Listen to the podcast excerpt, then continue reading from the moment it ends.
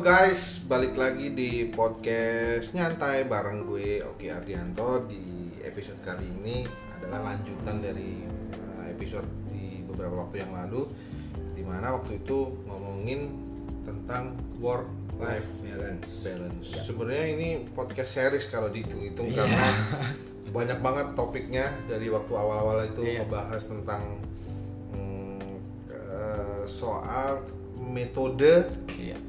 Di dunia kampus ya, Iya. di dunia pendidikan yang berkaitan dengan uh, outputan dari metode itu menghasilkan uh, mahasiswa yang kerja ngikut orang Iya. atau mahasiswa yang kerja menciptakan sebuah pekerjaan Yes. dan bisa mempekerjakan orang lain.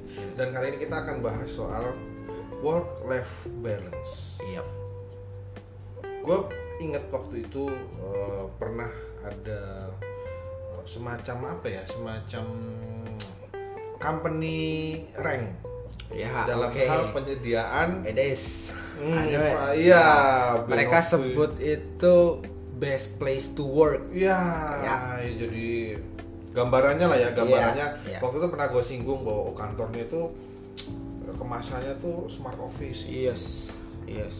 Oh, atau bahasa kerennya apa Millennials. co-working space apa ya? Iya, Apa sih eh, waktu iya. itu ada ada ada game dingdongnya, Iya. ada meja biliar, Iya. beanbagnya di setiap sudut tuh Iya. berwarna-warni, keren gitu. Dia bisa kerja di pojokan sofa, dia nyemil, kerja ya bla kan? bla bla bla bla bla. Ah. Eh, kemudian itu menjadi variabel dari eh, definisi dari work life balance gitu. Iya. Iya. Uh, karena uh, orang berpikir bahwa antara kerja dan Hidup. dan dan kehidupannya itu Personal- balance- personal iya, life lah maksudnya. personal life lah oke. artinya uh, jadi apa yang tadi jadi uh, sorotan itu tentang komponen-komponen elemen-elemen yang ada di kantor itu jadi bagian dari variabel itu nah em, itu beneran sehat nggak sih kayak gitu gitu atau atau, Iya. atau gimana sih lo lo ngelihat ngelihat lagi-lagi ya sebagai lo sebagai seorang edupreneur yang Iya. yang yang concern Iya. banget nih Oke. terjun di industri pendidikan lah istilahnya gimana lo uh, melihat itu sebagai sudut pandang lo Eh, ki- yang kita bicara ini agak sedikit abstrak, Mas. Maksud gue abstrak itu it depends on your perspective. pasti Your personal perspective. lagi-lagi ini Lagi-lagi sudut pandang It is. Iya, iya. Tapi balik lagi kalau gua eh, butuh nggak butuh work life balance tergantung sejauh mana ambisi yang gue mau capai. oke We only have 24 hours in a day, right? yes Oke. Pilihannya lo mau buang waktu apa lo manfaatin waktu, Waktu. itu. It is, right? Keluarga itu memang salah satu pilihan yang lo harus ambil untuk Iya. lo punya waktu sama keluarga. Tapi apakah iya butuh waktu lama untuk sama keluarga? Hmm, Apalagi kalau lo single misalkan. ya ya Iya dong. Nah, maksud gue, gue single sekarang. Maksud gue, gue belum nikah dan sebagainya. Iya, iya. Dan I have much time yang kosong daripada gue cuman apa kalau anak sekarang bilang rebahan rebahan sambil scrolling reels Hmm, iya, atau sosmed apa ya. ya itu kan waktu yang nggak penting balance emang itu balancing oke kalaupun balancing kan lo dapet hiburan dari situ Oke. emang ya butuh waktu 8 jam sehari buat nyari entertainment oh doang iya ini nanti nyambung sama kaitan dengan time management Iya, time management. Iya, iya. It is. Makanya balik Oke. lagi. Itu secara definitif work life balance untuk gua ya. hmm, ya ya Tapi kenapa ini yang digembar-gemborkan perusahaan? Sebenarnya itu trik marketing perusahaan. wow trik marketing Trik marketing. apa yang dijual Oke. Oke. tentang uh, work life balance ini Nice. buat si perusahaan Kal ini gue juga riset. Gue beberapa Siap. kali tuh eh, nulis jurnal ini. hmm. Ini tuh hasil kerjasama antara human resource, divisi Oke. human resource, sama eh, corporate communication division. Hmm. Kalau kita bicara Starbucks, misalkan ya, gue waktu itu risetnya Starbucks. Kenapa gue ambil Starbucks? Star- siapa sih yang nggak tahu produk Starbucks? oh iya Hmm. Ya. Hmm. Apakah dia perlu promosi untuk pengenalan produk? Udah nggak lagi kan? iya iya Udah nggak lagi. Kalau kita bicara business life cycle, yang dari introduction apa pengenalan perusahaan kan ada tuh kalau kalau kalau kita apa belajar manajemen ada namanya business life cycle itu mulai dari pertumbuhan perusahaan di awal-awal perusahaan perusahaan Oke. jadi Mhm. eh sorry itu bukan pertumbuhan pengenalan introduction Iya pengenalan, pertumbuhan pertumbuhan.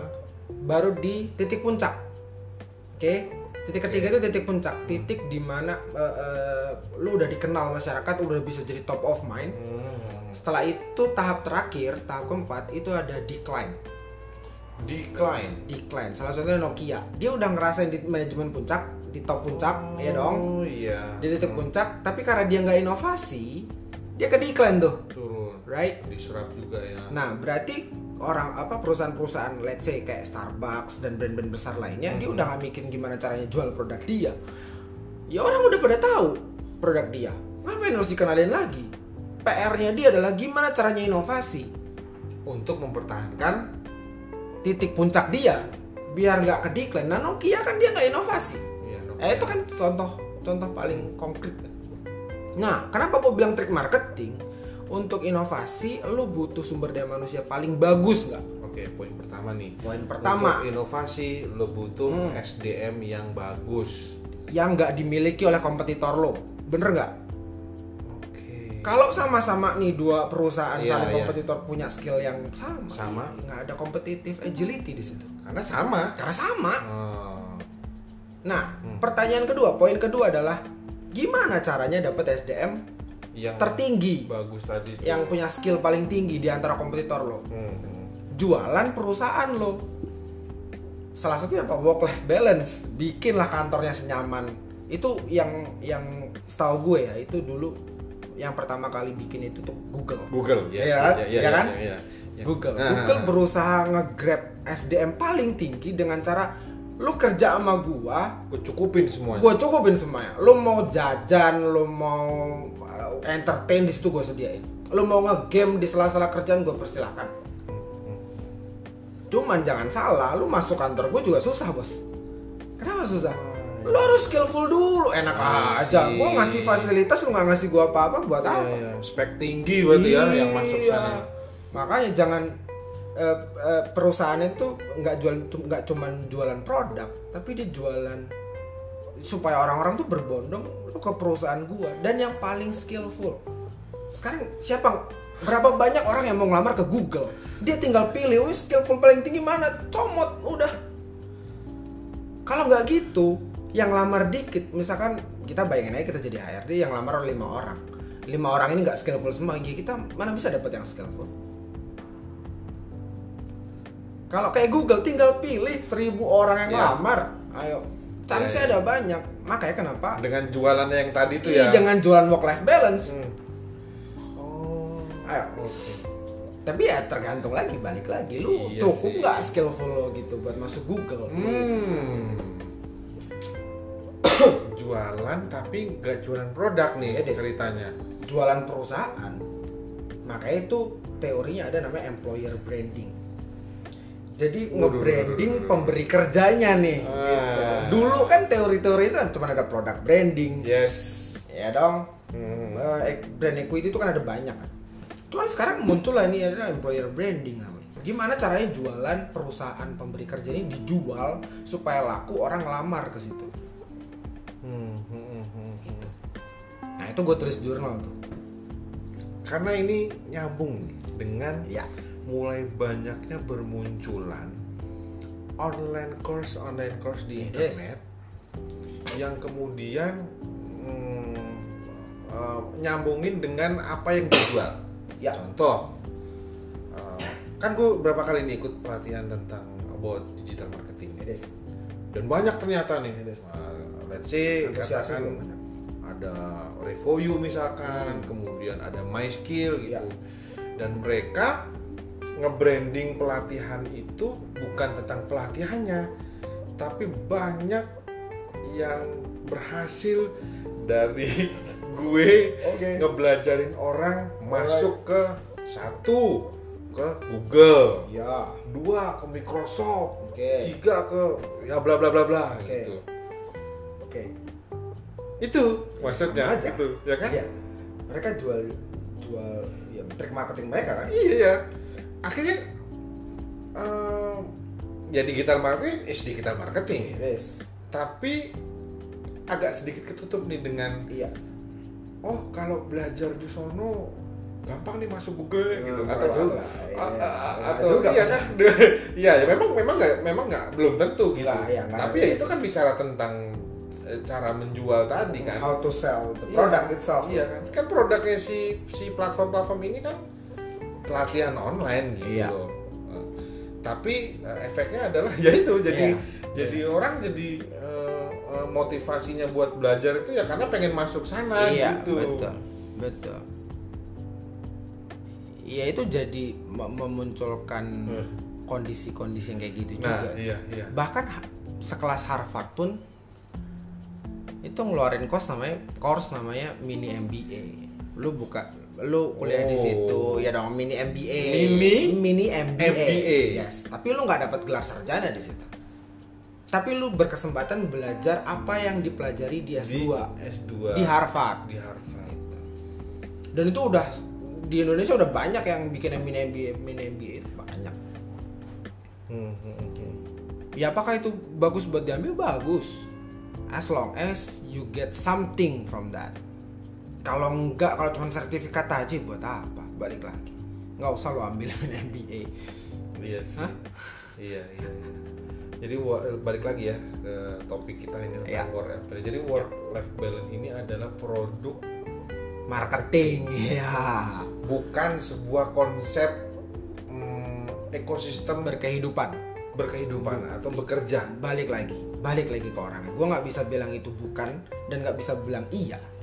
Karena ya orang punya goalsnya masing-masing, punya target masing-masing, Hmm. punya timeline masing-masing. Hmm.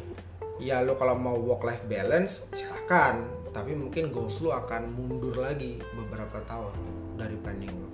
Sekarang gini mas, gue kasih case sedikit aja. Misalkan gue bermimpi jadi CEO nih, lima tahun ke depan. oke oke Sebenarnya gue bisa aja bi- bisa jadi CEO tahun depan. Kalau gue habisin waktu gue buat ngejar itu, kan kita bicara timeline, oke ya dong. so Tapi kalau lo mau work life balance dan sebagainya nggak apa-apa, ya itu akan lo akan capai lima tahun kemudian, Hmm. atau bahkan bisa lebih karena Bisa lo terlalu lebih. santai, ya kan?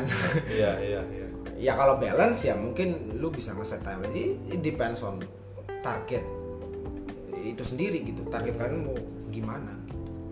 Dan ya gue gua nggak bicara dari sisi psikologis ya. Iya. Ah, gue bukan orang psikologis yang yang gimana baik nggak sih kerja terus-terusan 24 jam masih ya masih nggak 24 jam juga ya tapi Iya. 20 jam lah Iya, let's iya. say 4 jam tidur ya gue nggak tahu gue nggak bisa jawab itu Hmm. tapi gue yakin bahwa semakin banyak waktu yang gue habiskan untuk grinding bahasanya kayak gue kejar tuh target gue ya akan semakin cepet gue akan dapetin apa yang gue mau Hmm.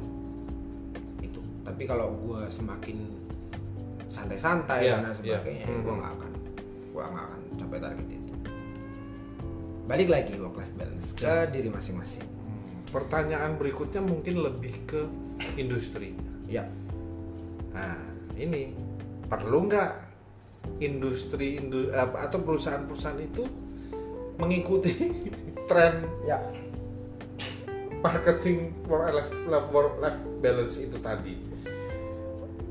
perlu nggak perlu Hmm, perlu nggak perlu? perlu nggak perlu Kalau dijawab nggak perlu misalkan, nggak perlu itu ketika kondisi perusahaan baru di tahap pengenalan oke, tapi tapi kalau lo mau inovasi ya itu perlu juga perlu. perlu juga maksud gue kayak fokusin lu harus fokus ke mana nih gitu Iya, Misal iya, iya. perusahaan startup yang baru banget setahun setahun lah kita lihat sih katakan ya lu mesti building produk kan lu harus fokus di Hmm, build produk hmm, kan pengenalannya. pengenalan dan sebagainya Bangun- gimana bangun brandnya. bangun brandnya dan sebagainya itu tapi kalau udah kayak selevel Starbucks Google Udah settle ya udah brandnya. settle lu tinggal bicara kompetisi kan Hmm.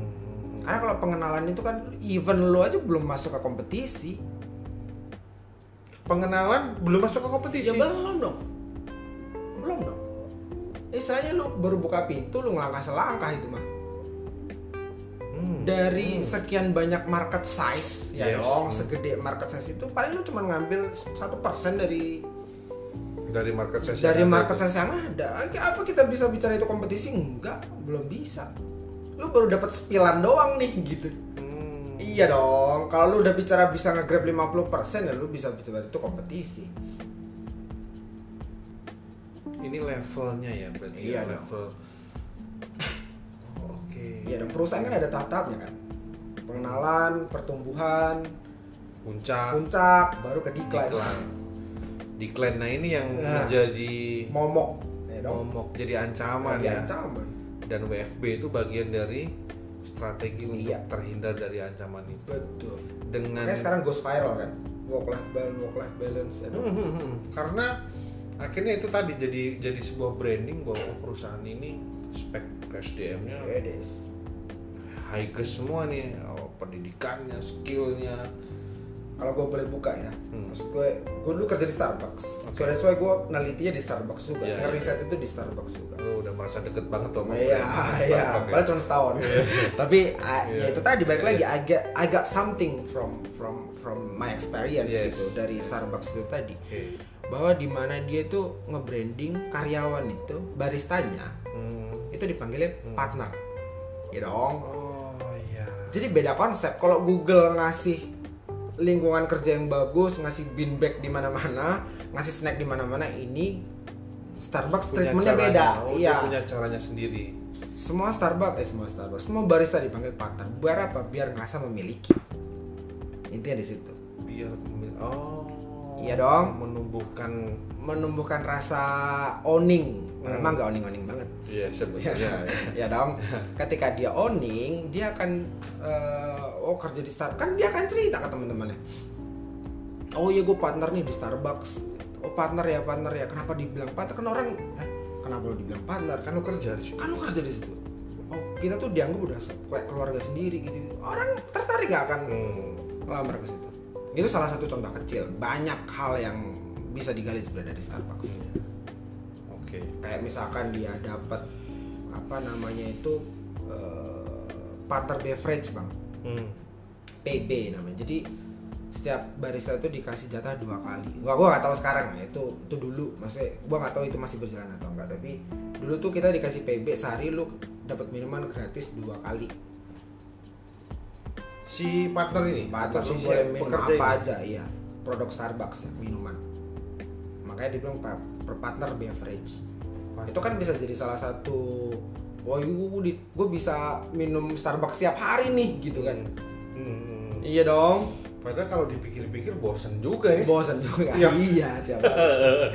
tapi kan itu kalau Iya. dinilai dari worthnya sekap itu kan gocap ya minimal ya lima Satu- ribu. Iya, ya dong. Hmm, kalau lu dapet dua kali udah cepet hitungannya Oke. gaji lo sehari 200 misalnya Iya. ya Hmm. udah untung kan itu Hmm. itu juga salah satu salah satu jualannya jualan perusahaannya Starbucks Hmm, hmm, hmm. Tapi ada satu pertanyaan gue tentang ini mungkin Starbucks ya, Hmm. karena yang gue pernah di sana. Kenapa setiap gue ke Starbucks ya, terus ini honestly mungkin dari pengalaman pribadi, ya kayak persona dari masing-masing krunya ini Beres. ya, atau selalu kayak punya persona happiness gitu. iya iya Gak ngerti kenapa, Iya. di mana pun tempatnya gitu. Hmm, hmm. gue jarang ketemu bahkan kayaknya belum pernah dia ketemu Iya.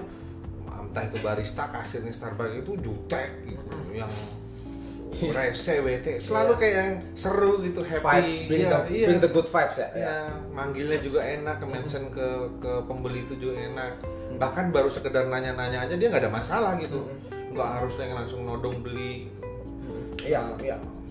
Apa apa ap- a- a- a- apa yang apa yang diajari di sana sebetulnya tentang tentang mungkin ini kaitannya dengan services ya Se- ya, ya. dengan nanti ada Iya. variable hospitality Iya. tapi nanti kita bahas di Iya, oke. part berikutnya. Uh, karena ini juga nyambung dengan kebutuhan gue tentang insight buat di tempat gue kerja Oke. nanti gitu tetap di podcast nyantai teman-teman nanti kita akan bahas di episode berikutnya alright bye bye